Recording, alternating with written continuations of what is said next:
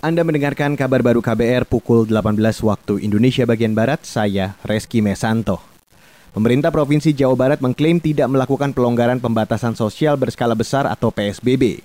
Gubernur Jawa Barat Ridwan Kamil mengatakan, sampai saat ini baik pemerintah pusat maupun daerah tidak melakukan relaksasi PSBB. Hal itu disampaikan Ridwan Kamil terkait persiapan pembukaan fasilitas publik seperti sarana perniagaan di Mall Sumarekon Bekasi. Ridwan Kamil mengatakan tindakan itu hanya untuk membiasakan masyarakat lebih disiplin dengan prinsip kenormalan baru atau new normal dalam beraktivitas selama pandemi COVID-19. Saya menindaklanjuti arahan Bapak Presiden. Jadi intinya adalah bahwa ekonomi ini harus perlahan-lahan mulai beradaptasi. Jadi Jawa Barat kata kuncinya itu adaptasi. Bukan pelonggaran, kira-kira gitu ya, bukan relaksasi, tapi adaptasi terhadap uh, normalitas baru. Gubernur Jawa Barat Ridwan Kamil mengatakan pelaksanaan new normal di Kota Bekasi khususnya di Mall Sumarekon sudah dipertimbangkan secara matang. Menurutnya, kawasan Mall Sumarekon masuk daerah zona hijau sehingga new normal bisa diberlakukan. Sedangkan untuk beberapa daerah dengan zona merah atau kuning belum akan dilakukan new normal. Pelaksanaan new normal akan dievaluasi satu hingga dua minggu ke depan.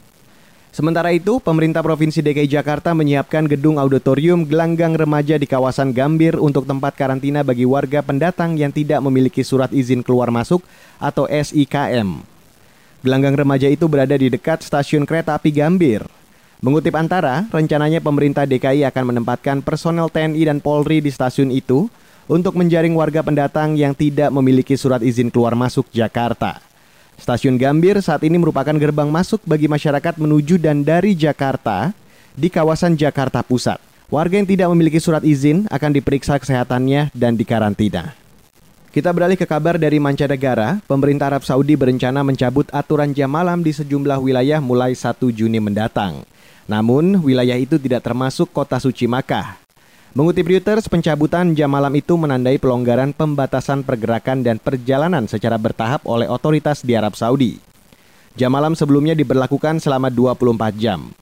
Namun kini, aturan akan dilonggarkan di mana jam malam hanya diberlakukan pada pukul 3 sore hingga pukul 6 pagi.